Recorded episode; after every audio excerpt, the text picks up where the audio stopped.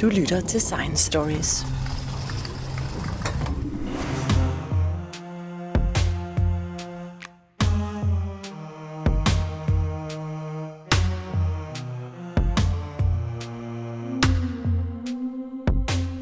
Anders Fomsgaard, vi sidder her i verdens største pandemi de sidste 100 år, og øh, nu venter vi på vaccinen, og der er rigtig mange bud på vej. Hvad er det for nogle vaccinekandidater, vi venter på? Ja, der er jo forskellige typer af vacciner, som man øh, prøver at sætte ind mod den her nye pandemi. Det er sådan lidt i erkendelse af, at det egentlig først slutter, når man har en sikker og virksom vaccine. Øh, og ellers så vil det jo blive ved med at være der, fordi vi alle sammen er jo ikke immune. Så det er den her immunitet, man gerne vil forsøge at fremkalde. Der har været sådan lidt øh, diskussioner om den immunitet, man efterlader efter en overstået infektion. Om den er ligesom tilstrækkelig til at hindre en reinfektion, fordi det vil være et rigtig godt tegn til vaccineforskerne om, at det her kan lykkes. For eksempel HIV, der er ikke nogen naturlig immunitet, vi kan efterligne. Men øh, det er der ved, ved mange af de her luftvejsinfektioner, så det er et godt tegn. Det kan være, at den øh, immunitet, man efterlader, ikke er kraftig nok. Øh, jo mildere sygdom, jo mindre immunitet, kan man sige, eller ikke holder længe nok, eller kan være begrænset af, at det er på en slimhindeoverflade, som lungerne jo er. Der er en lidt dårligere immunitet, i hvert fald i hukommelsesimmunitet, end der er med andre sygdomme, som ligesom er i kroppen, altså mæslinger, forsyge, røde hunde, sådan. Så, øh, så, så man forestiller sig, nogle af de sprit nye vacciner, som man har taget i anvendelse her, som jo aldrig har været godkendt før, at det, de ligesom kan måske, det er, at de kan gøre det bedre end naturen. De kan simpelthen fremkalde en bedre immunitet end den, som sygdommen efterlader. Og hvis vi kan gøre det bedre end naturen, så er der jo et håb om, at selvom den immunitet, man får efter en sygdom, måske ikke er 100%, så kunne den måske gå hen og blive ret kraftig ved en, en af de nye typer af vacciner. Men det er jo klart, hvis, hvis sygdommen efterlader immunitet, så er det nemmere at forsøge at efterligne den. Øh, men det bliver for at forklare, hvorfor at man faktisk tager nogle helt sprit nye vaccineprincipper op af lommen øh, i den her øh, pandemisituation. Øh, altså mange af de her vacciner, som jeg skal fortælle om nu, øh, er jo egentlig ikke nye. Altså, jeg har fulgt dem igennem de sidste 15 år, eller noget i den stil på konferencer, hvor man øh, i forsøgsøje med øh, prøver at udvikle mod det ene og det andet. Influenza øh, har jo været meget interessant, fordi man gerne vil have nogle bedre dækkende influenzavacciner end dem, man har. Og HIV har selvfølgelig altid været et ønske, og øh, hvis der kommer et udbrud som med Ebola, så øh, har man også behov for at teste nogle af de her nye af som jeg kan fortælle lidt om, faktisk gav nogle rigtig lovende resultater. Så det er ligesom baggrunden for, at man tager nogle nye op af lommen, frem for de gode, gamle kendte, altså et protein med noget vaccineforstærker adjuvansi for eksempel, eller man tager en hel virus øh, og inaktiverer den med alle de proteiner, der kan være på sådan en virus der. Nogle af dem vil man gerne have en vaccine, nogle af dem vil man ikke så gerne have, Øh, og så øh, kan man vaccinere med dem. Det er der også eksempler på, at vi har den her type vacciner godkendt fra tidligere tider. Og hvorfor lave det om, når de er godkendt? Men det er lidt baggrunden for, hvorfor at man øh, har de her forskellige principper.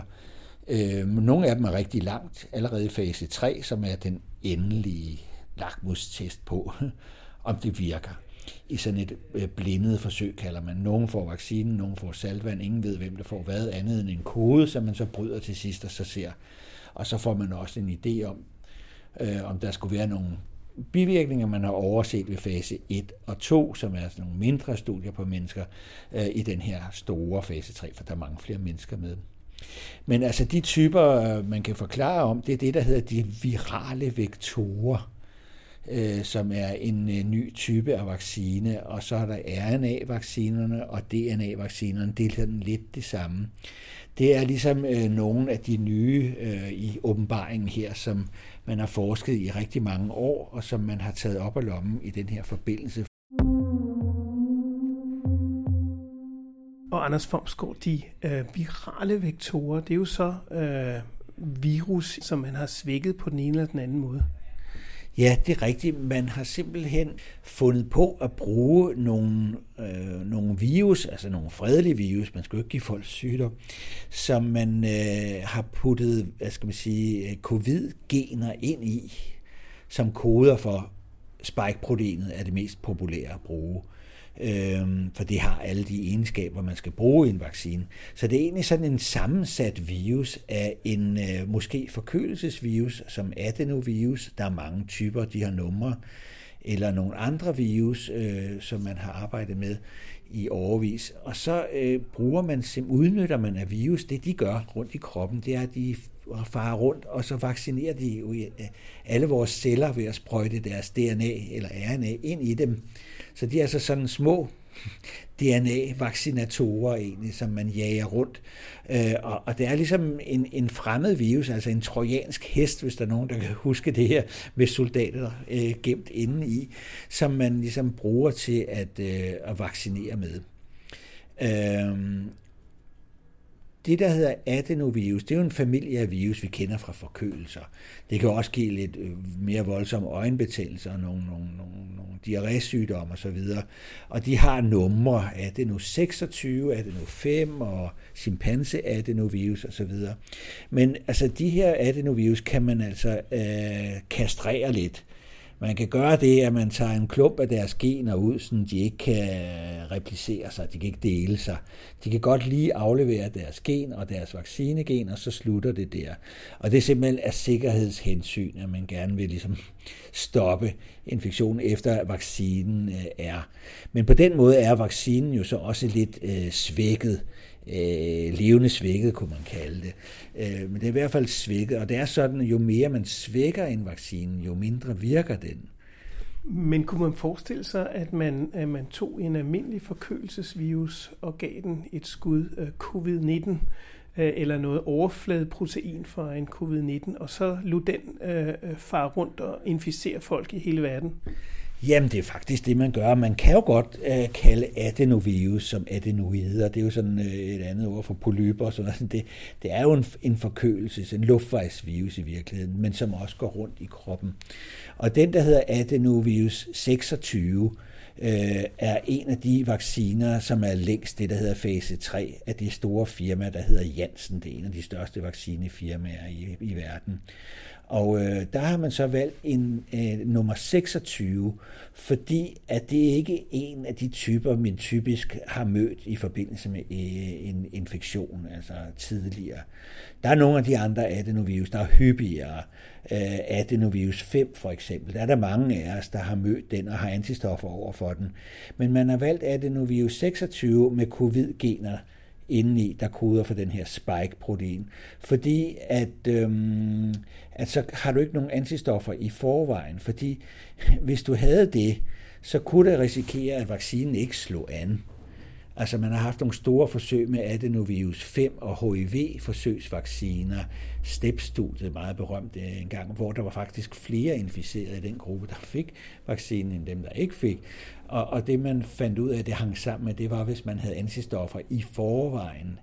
Nu er det jo så ikke HIV, det her, men noget helt andet.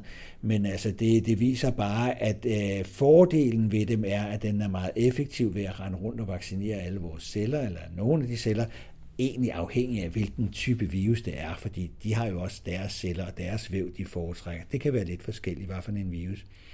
Men altså ulempen er, at du laver også immunitet over for selve denne fremmede virus, trojanske hest. Og det kan hindre, at den slår an, hvis du giver den igen og igen, altså som det vi kalder boostervacciner. Lad os sige, at vi er nødt til at gentage den om et år, fordi immuniteten ikke holder mere, eller et halvt år, eller øh, hver, hver tredje år, hver femte år. Vi, vi ved jo ikke, hvor længe den her covid vil være i befolkningen. Det er måske årtier lige frem. Så hvad vil man booste med? Du vil ikke komme tilbage med den samme. Så, så det er lidt ulempen ved det, og en anden ulempe er, at du svækker den, som sagt, så den bliver så svækket, så måske holder vaccinationsvirkningen heller ikke så længe. Russerne har ligesom Øh, taget konsekvens af det og sagt, at vi starter med at give en adenovirus 26 med covid i, og tre uger efter, så giver vi en adenovirus 5, fordi så øh, man skal ligesom skifte sin trojanske hest ud, så de ligesom slår an hele tiden. Øh, så det er det, der, der er øh, øh ved den måde at gøre det på. Og, og grunden til, at de ikke kunne give en 1826 igen, øh, ville simpelthen være, at jamen, så var man immun over for vektoren, og så øh, virkede det slet ikke. Ja, simpelthen. Altså, nu har man så vist, at du kan faktisk godt komme tilbage i hvert fald en gang mere. Men så begynder den her immunitet jo at, at hindre, at der ligesom kommer en, en, en effekt af det øh, med flere gange. Så vi ved ikke, hvor mange gange kan du gøre det her show, inden det stopper på grund af immunitet over for den her tinges der. Men det er, det er samme grund som øh, det her AstraZeneca Oxford-vaccinen, ikke, som Danmark jo også har lagt øh, billet ind på, 2,5 million doser, når, eller hvis, hvis og når den bliver, øh, har vist effekt, eller, eller det modsatte, øh, at blive godkendt, så har man ligesom lagt en forhåndsbillet ind på det. Det er en chimpanse adenovirus. Øh, også igen for at hindre, at der er nogen, der har skulle have immunitet mod den her type adenovirus i forvejen, så den risikerer ikke at slå an. Så det synes meget eksotisk. Der er også øh, Pasteur-instituttet i Paris har taget den her VSV-vektor øh, eller virus op af lommen. Det står for vesikulær stomatitis virus, altså en virus, der giver små blære på hårene af heste. Altså det, den har vi garanteret ingen antistoffer overfor i forvejen. Øh, hvor sikker den er, det, det ved vi faktisk. Øh, den gav nogle bivirkninger, da man prøvede med øh, Ebola ind i lige præcis VSV-vektoren der, virusen. Det gav nogle ledeproblemer i den vestlige verden, men interessant nok ikke blandt afrikanere. Og det var jo der Ebola var, så det var jo lige så fint. Så der er altså også nogle, nogle, nogle nogle, nogle, nogle forhold, vi ikke er helt styr på omkring forskellige folkeslag. Øh, kan være noget med vævstyper, kan være noget med, med andre ting. Øh, men det man gjorde dengang, det var, at man udviklede faktisk en Ebola-vaccine på baggrund af VSV-virus inden for måske 9 eller 10 måneder.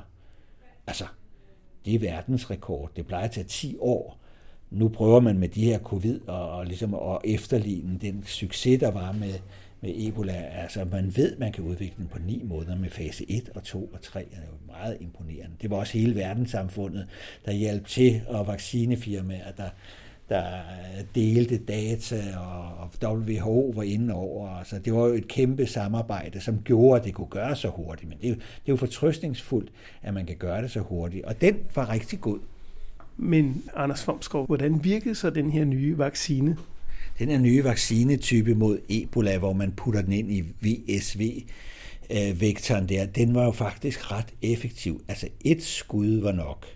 Mange vacciner skal du have to, måske endda tre af, øh, men et skud var nok, og så fandt man ud af, at man kunne lave det, der hed ringvaccination.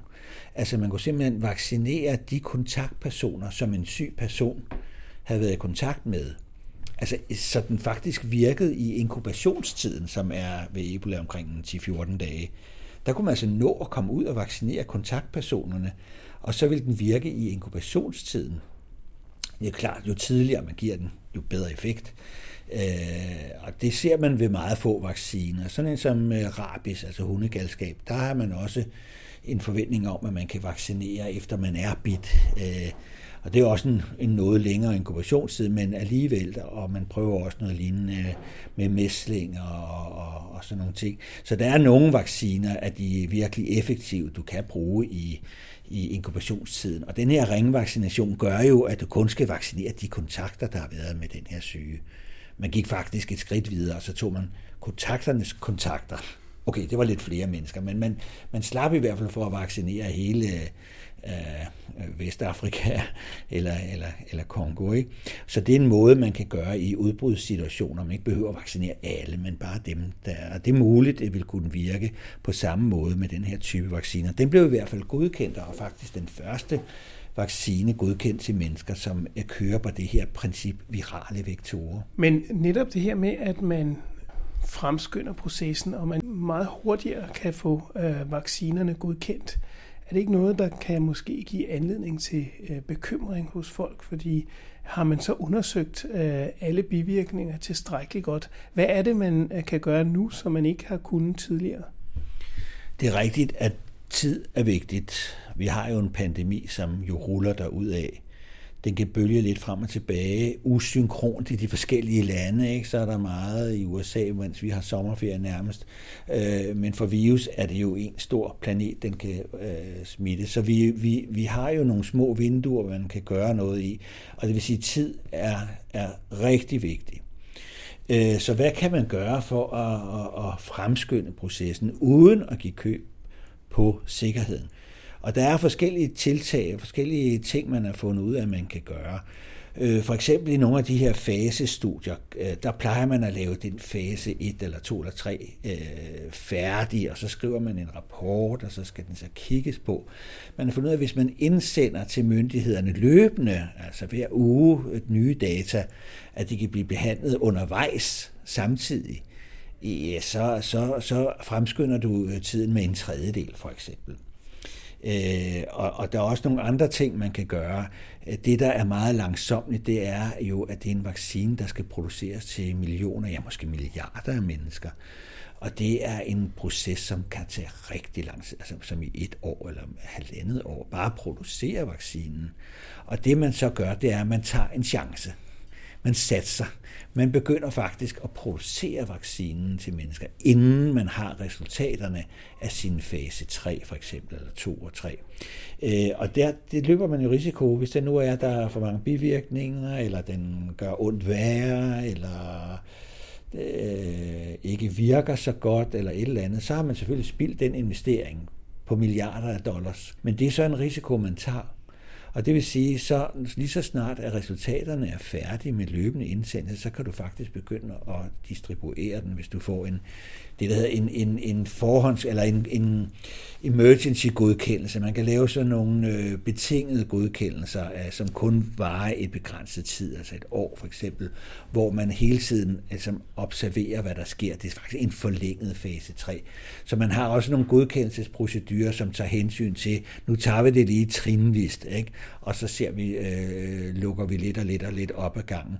Så med de nye procedurer, med løbende indsættelser, med produktion samtidig med, man tester, og med, med forhånds- eller med øh, betingede godkendelser, og så, som kører en begrænset tid, hvor der er skærpet opsyn med, så kan man altså afkorte tiden øh, øh, betydeligt.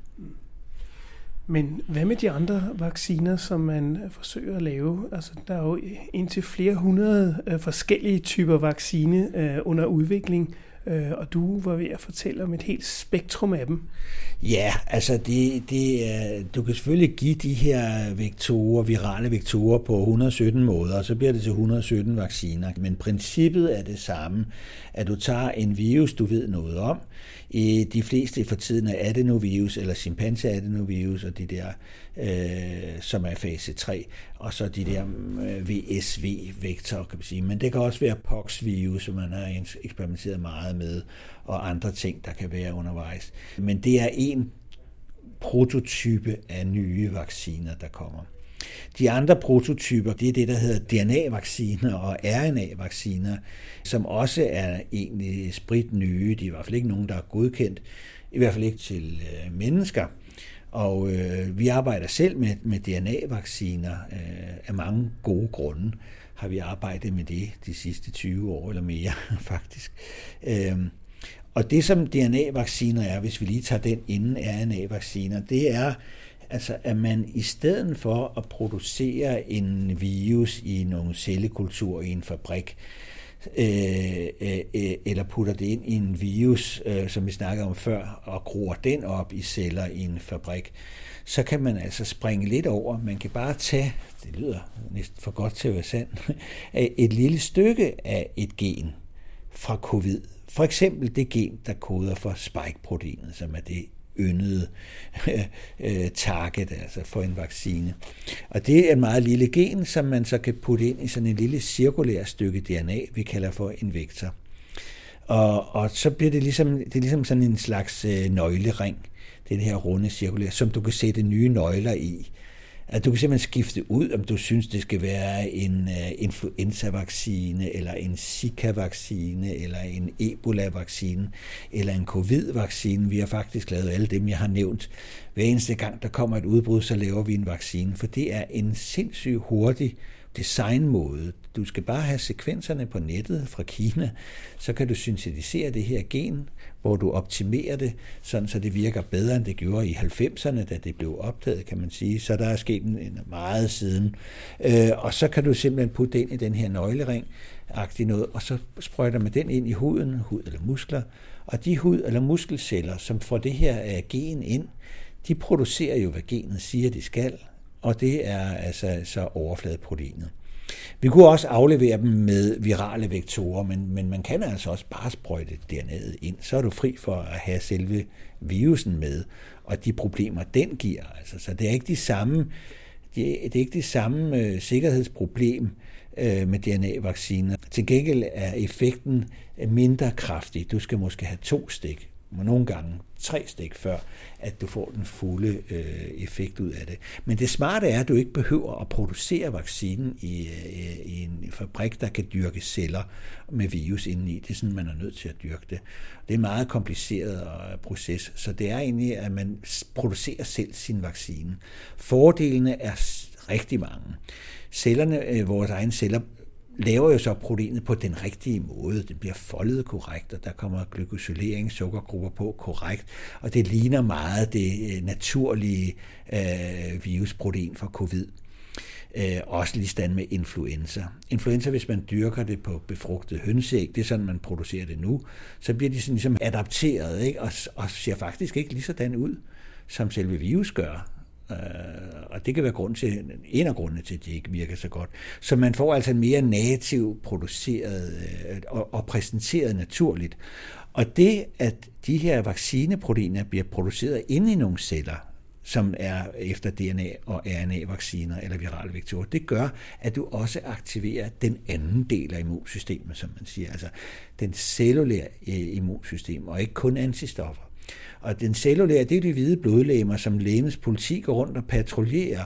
Og hvis de finder en inficeret celle, fordi det var udsat for covid, og antistofferne var ikke nok til at hindre det, så kan de altså nakke de inficerede celler og udrydde dem. Og på den måde så hindrer de her altså hvide blodlægemer der i at blive syg eller dø. Øh, de kan ikke i sig selv hindre, at du bliver inficeret. Det kræver antistoffer, men de kan hindre, at du bliver syg, og du dør. Og det er jo også værd at tage med, kan man sige. Men de inducerer jo også, fremkalder også antistoffer. Og den type af antistoffer er, er lidt bredere reagerende og ikke så følsomme over for mutationer, som en proteinvaccine øh, for eksempel er som influenza, øh, influenza-proteinet der, som vi bruger i vaccinen, det er jo meget specifikt. Hvis der sker en lille mutation, så virker den ikke så godt, vaccinen. Det er jo det, vi prøver at gætte fra år til år, hvad der kommer. Og hvis der kommer en mutation, ja, så er vi lidt på den. Øh, der er DNA-vaccinerne den måde, de laver antistoffer på, den anden slags antistoffer. Øh, der er den bredere reagerende, ikke nær så følsom over for det. Og den type af immunitet og den øh, inflammation, der også kommer, kalder vi for en, en, en type 1 TH1-reaktion. Det vil man meget gerne have, for det er sådan en, en, en type af immunreaktion, hvor man bekæmper noget, der kommer ind. Øh, det er nogle bestemte hormonstoffer, signalmolekyler, interferoner, der kommer. Og det er den type, man gerne vil have. Man er ikke så glad for en anden type, der hedder type 2, hvor det er sådan mere regulatorisk, hvor man kan, den er mere associeret til mm, allergi og, og sådan nogle ting. Og, og, og der har man set nogle øh, ikke så gode effekter af det, der hedder type 2. Så, så det er altså antistoffer, man laver af en bredere type med DNA og RNA, og det er celleimmunitet, som kan nakke de inficerede celler og gøre en rask. Og så er det den her type af reaktion, som det, altså det straks immunsystemet øh, reagerer med, som er mere den bekæmpende inflammatoriske del. Så den har alle de egenskaber, du er ude efter, efterligner faktisk en levende virus, uden at være det. Man kan vel også sige, at øh, uh, RNA- og DNA-vacciner er jo den reneste form for vaccine. Altså det er den rene uh, kode, man giver folk, og det er deres egne celler, der producerer signalet Øh, så derfor så, så er der ikke noget fremmed af nogen art, øh, bortset fra, at man er selvfølgelig nødt til at sende dem øh, det digitale øh, DNA- eller RNA-signal. Ja, det er rigtigt. Altså, øh, altså, den efterligner jo øh, virusvektorer øh, ved at inficere celler, kan man sige, på en måde, men det er jo kun lige der, hvor du sprøjter det ind. Altså, en, en virusvektor vil jo fare rundt i hele kroppen, og afhængig af hvilken type virus du har valgt som trojansk hest, er der nogen væv, der bliver, aktiv, altså, der bliver inficeret, og, og også reagerer aktivt på den virus. Der bliver lavet noget der bliver noget inflammation, noget betændelsesreaktion på den virus, afhængig af hvilken virus det er. Altså på en måde kan man sige, at det er smart med de her virale vektorer, de har lidt adjuvanseffekt i sig, forstærker, som er lidt forskellige for hvilken type virus du har valgt. Men det er rigtigt nok, DNA er jo mere ren i sin form der, øh, efterligner det lidt, men det er jo kun lige der, hvor du stikker det ind, og hvis det er huden, så gror hudcellerne ud i løbet af fem dage, og så er det jo egentlig væk igen. Men immuneffekten har været der. Og det, den øh, har alle de gode egenskaber, som vi godt vil have ved et immunsvar. Og den har den her sikkerhed, som du også nævner, at der er jo øh, stort set ingen bivirkninger forbundet med i alle de forsøg, man har lavet. Så det er altså øh, en interessant øh, type, hvis man kan få dem til at fungere.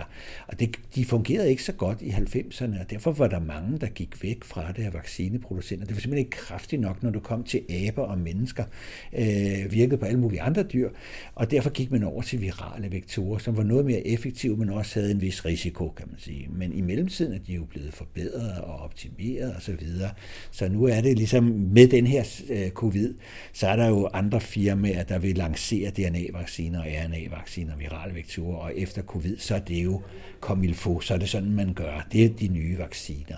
Og det er jo også tiltrængt, kan man sige. Men Anders Fomskov, øh, du nævnte både RNA- og DNA-vacciner. Hvad, hvad er forskellen på dem, og, og hvordan virker de i forhold til hinanden? Altså RNA-vacciner er jo lidt det nye dyr i åbenbaringen der. Det har været meget populært at kigge på. Der har været forskellige grunde til det. Et er, at, at det ikke har været så øh, patentbelagt, og, og, og lidt en ny teknologi, som så øh, har, har været inspireret meget. Altså der sprøjter du RNA'et ind. Det er altså DNA'et skal jo ind i cellekernen og lave RNA, og så tænker man, kan man ikke bare springe det over og bare give direkte RNA? Jo, det kan man godt.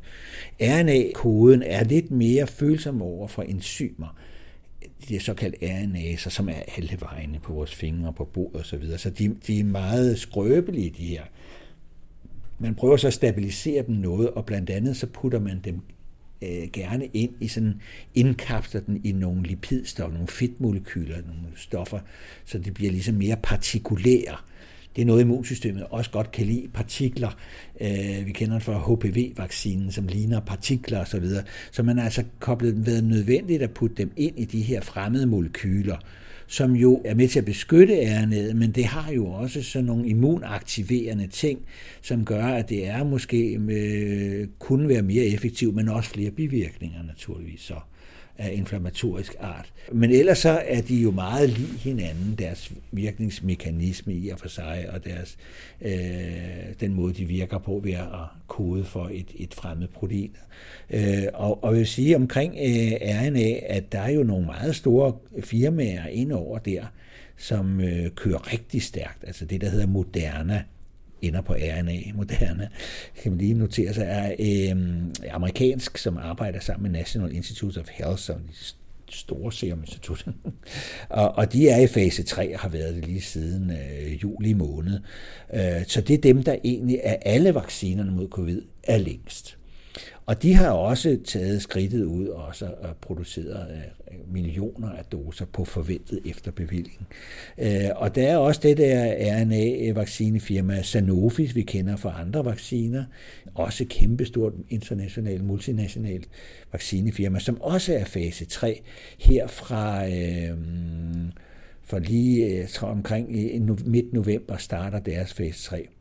Og jeg vil sige, og også Pfizer, som har allieret sig med BioNTech har en RNA-vaccine, som øh, er langt fase 2 i juli, og snart også fase 3. Så nogle af de moderne nye RNA'er der, de er faktisk ret langt, men de minder meget om hinanden, og, øh, øh, men det er nok nogle af dem, vi vil, vil få først, det vil jeg tro.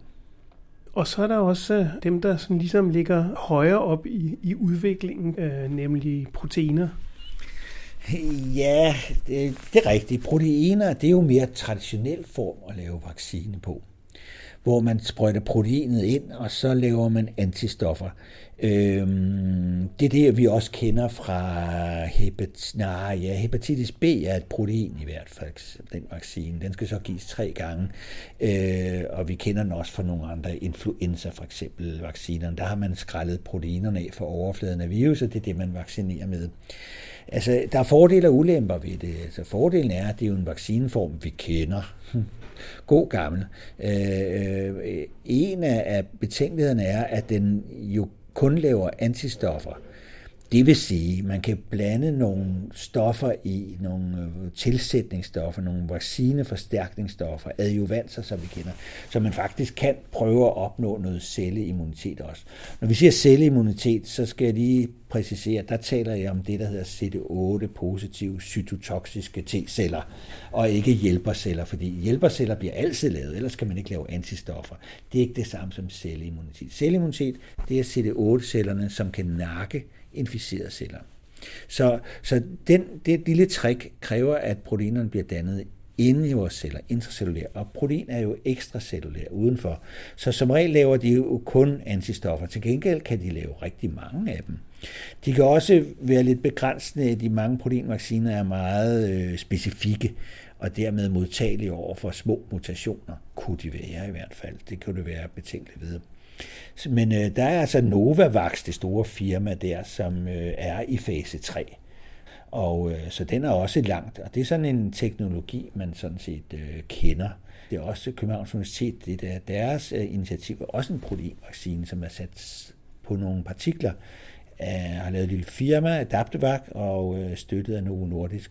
Så øh, de har så været i det, der hedder præklinik, øh, meget bekendt, altså i dyreforsøg, lidt ligesom vi har været med vores DNA-vaccine. Men det store firma Novavax, de er fase 3, og det er også en proteinvaccine, men det kan have nogle fordele, det kan have nogle ulemper. Øh, så det kan være, at det ikke beskytter mod sygdom og død, men kan hindre så godt som muligt, og måske endnu bedst, jeg ved det ikke, øh, mod en, en infektion. Men umiddelbart så kunne man forestille sig, at antistofferne kan beskytte en relativt langt hen ad vejen, øh, men de virker måske ikke lige så godt, hvis der også var et cellulært øh, forsvar.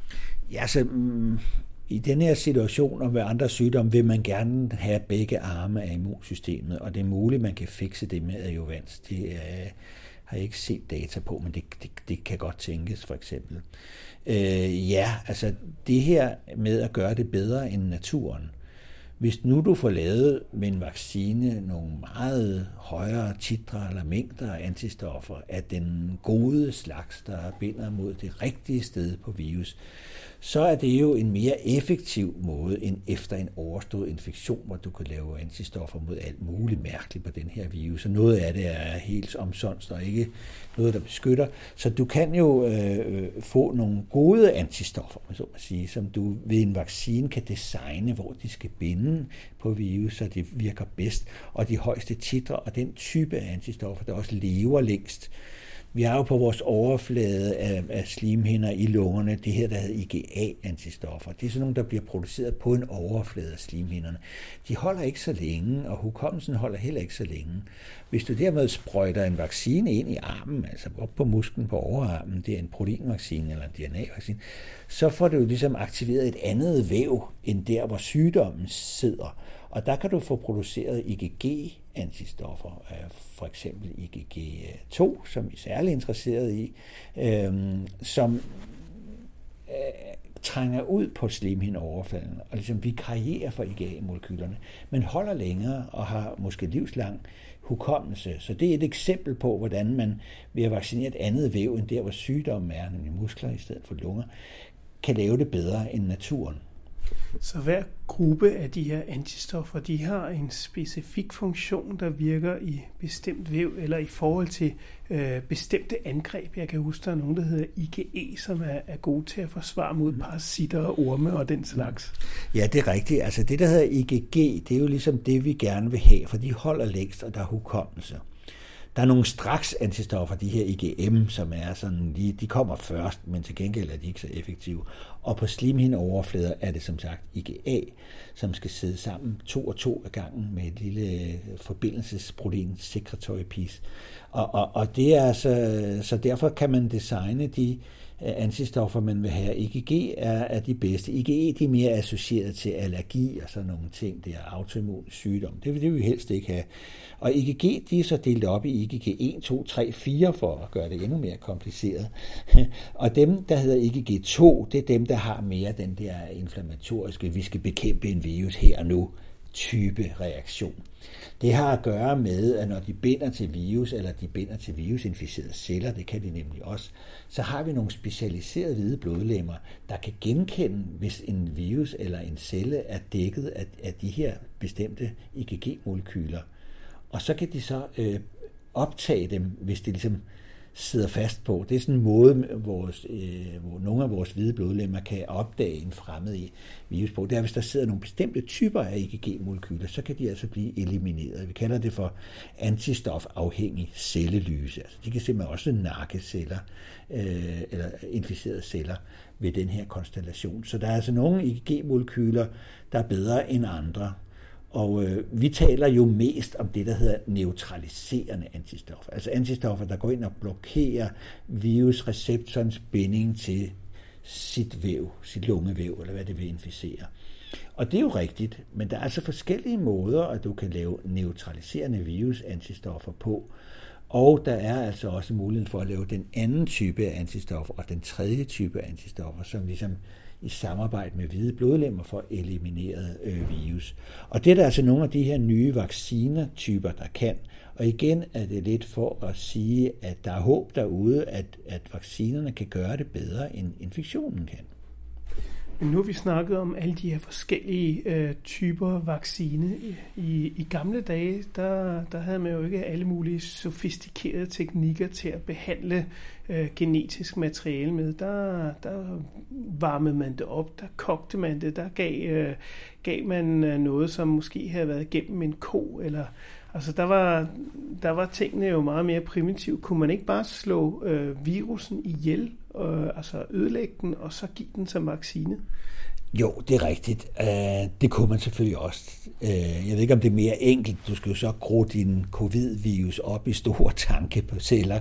Øh, en stor risikabel og omstændig proces, og derefter skal du så inaktivere den med kemi eller varme, eller hvad det, er mest kemi, man, man gør.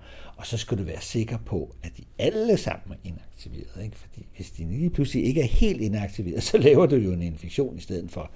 Så så det ja, er en gammel teknik. Øh, der er nogle fordele, der er nogle ulemper. Øh, øh, altså, øh, fordelen er, at det går relativt hurtigt, og man har prøvet det før. Ulemperne kan være, at øh, hvis du inaktiverer en hel virus, øh, vi kender det ved nogle vacciner, hepatitis A-virus for eksempel, eller øh, den her influenza 2008 svineinfluenza-pandemien, det var også en hel virus, man bare havde inaktiveret og i tilfælde influenza havde man ovenikøbet tilsat øh, noget, noget forstærker.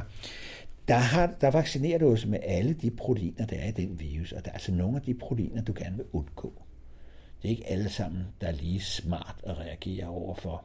Vi så omkring i influenza der øh, i 2009, at man reagerede, øh, nogle øh, folkeslag reagerede mod nogle mm, proteiner, der var i den her vaccine, som egentlig ikke gav nogen beskyttelse, men de gav noget immunitet, som krydsreagerede med deres egne væv, og de fik så narkolepsi, altså sådan en sovesygdom, hvor du falder i søvn, mens du griner eller kører på cykel osv i Finland og Sverige osv. Så, så der kan være nogle proteiner, du ikke er så interesseret i at have med i din vaccine.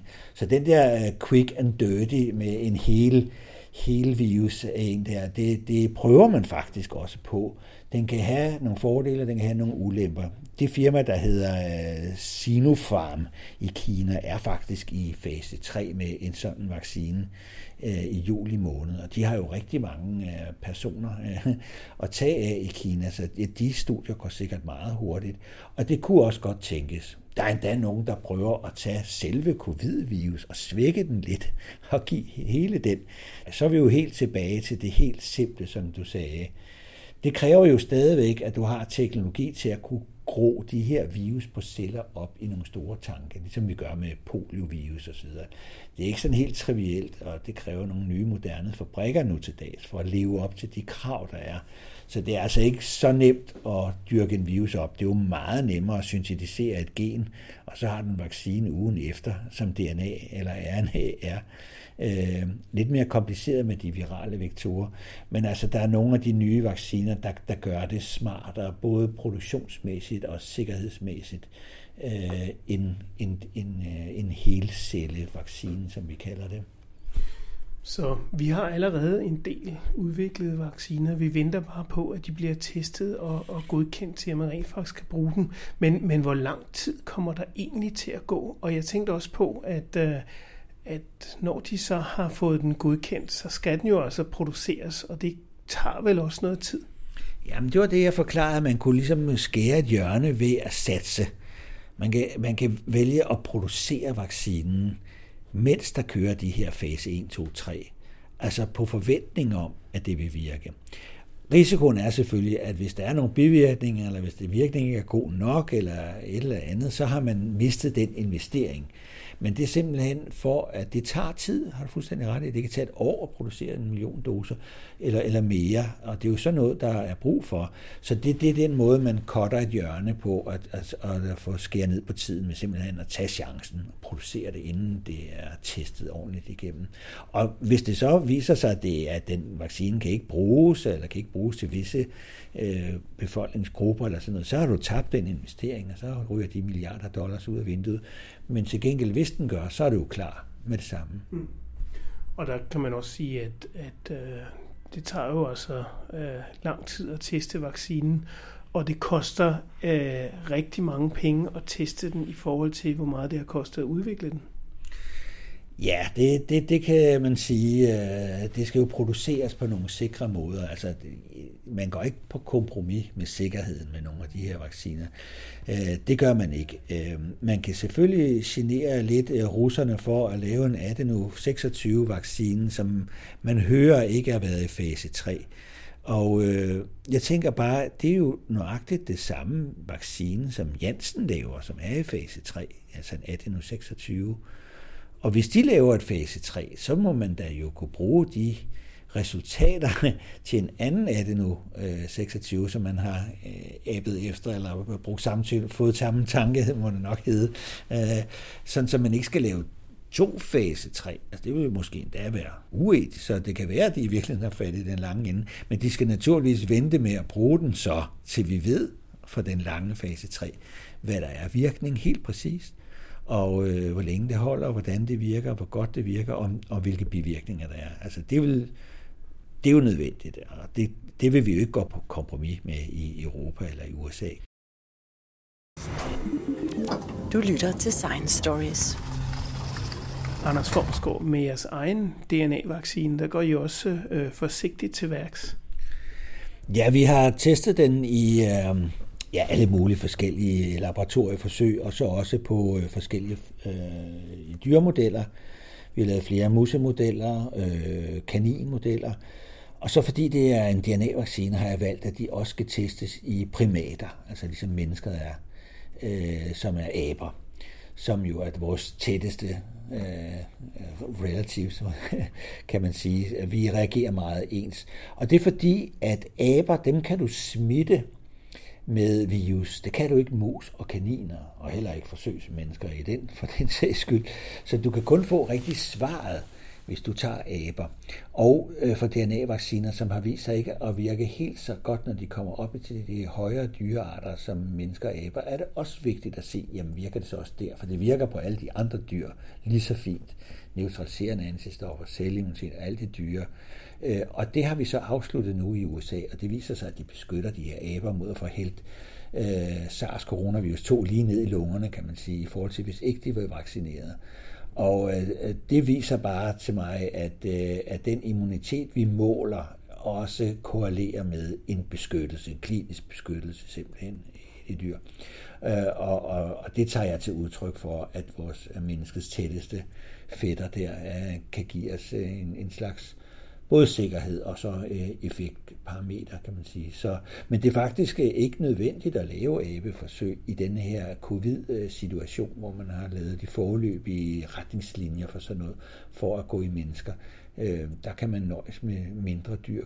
Jeg har bare gerne ville se det her, øh, fordi det er en bestemt type af vacciner, og jeg vil godt se øh, beskyttelse mod infektion, før man ligesom også selv er overbevist sådan videnskabeligt. Så der er min del af det så afsluttet der. Jeg ved godt, du ikke kan svare på det, men jeg er nødt til at spørge dig alligevel. Øh, hvornår får vi så vaccinen? det, det er sådan en rigtig journalistspørgsmål.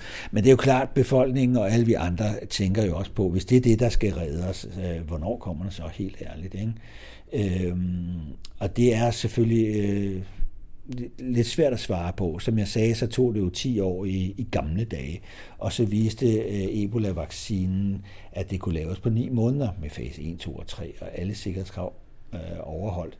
Så det er altså muligt at køre derud af, hvis viljen og pengene og indsatsen øh, er der. Og det ser det ud som om den er. Jeg er i hvert fald meget overrasket over, at der allerede er seks vacciner af helt nye typer i fase 3, og ovenikøbet langt Øh, Øh, det troede jeg først ville ske til næste år. Men de er altså i gang i år her, både omkring sommeren og efteråret. Og det gør jo altså, at øh, man kan tillade sig at være lidt mere optimistisk i sådan en tidsplan. For så vidt, at de ikke støder på problemer undervejs øh, hen over sommeren med af AstraZeneca chimpanse adenovirus. Men, øh, men det er jo under forudsætning af, at alting går efter en snor, det gør det jo sjældent i biologi.